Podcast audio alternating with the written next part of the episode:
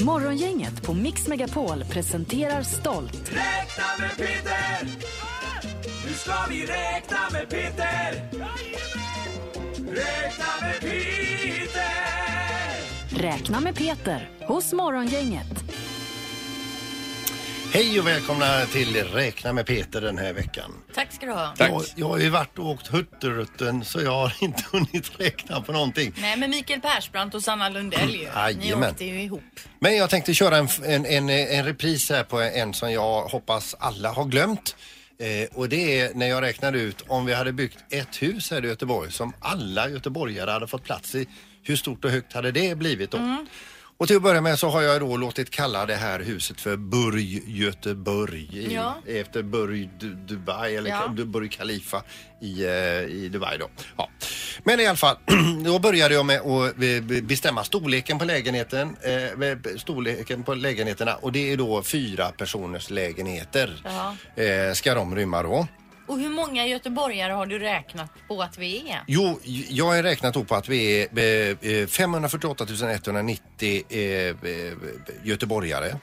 Och då är det som så att för att då få ett, eh, en rimlig bas i huset då så, har jag, så och ni vet ju Turning Torso nere i Malmö det är ju Sveriges högsta byggnad är det väl, det tror Ja. jag i alla fall. Men i alla fall om ni tar fem stycken sådana Turning Torso skraper fem stycken och fångar ihop ett knippe som ett knippe tulpaner. Ja. Ja, så har vi liksom grovleken på huset där då. Ja.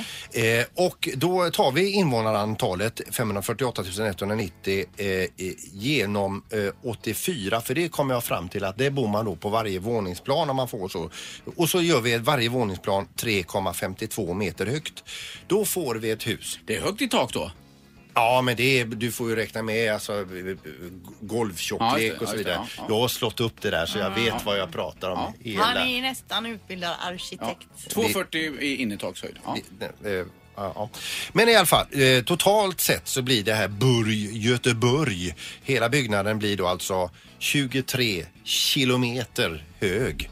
Och för att få en, en uppfattning om hur högt är det där då? Jo, då kan jag säga att du som bor på våning 270, 2272, du bor alltså i dödszonen.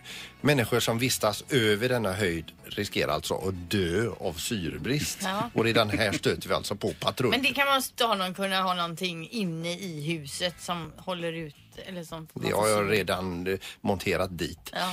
På våning 2840, då bor du så långt upp så då kan du alltså se ett plan som har nått sin marschhöjd mellan Helsingborg och, eller vad säger jag, mellan Helsingfors och New York. Ja. Och alltså då är de på samma höjd som ditt vardagsrumsfönster Mm. när de har kommit till sin marschhöjd. Och då kan du alltså stå där och heja mot någon, någon sitter någon finne där i rutan och säger derve, derve. Med och vi- gin och tonic, ja. nöjd. Och, och du säger tillbaka hej hej fast ni hör inte varandra då. Och Nej. ta, eh, ko- eh, kort och så vidare. Då.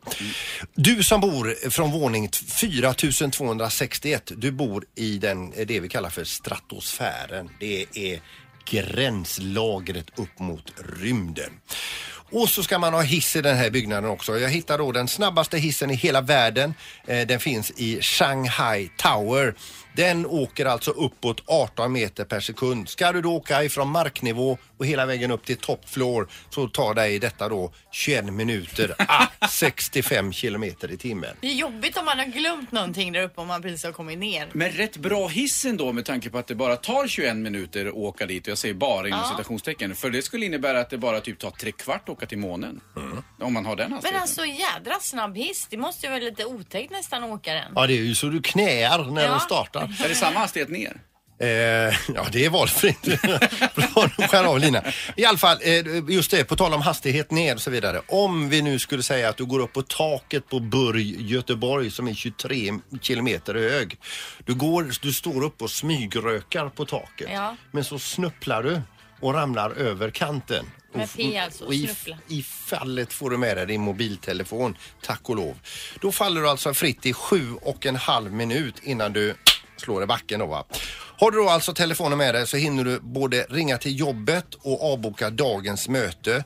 Du hinner även att sitta i en kortare telefonkö plus höra hela Macarena med Los del Rio.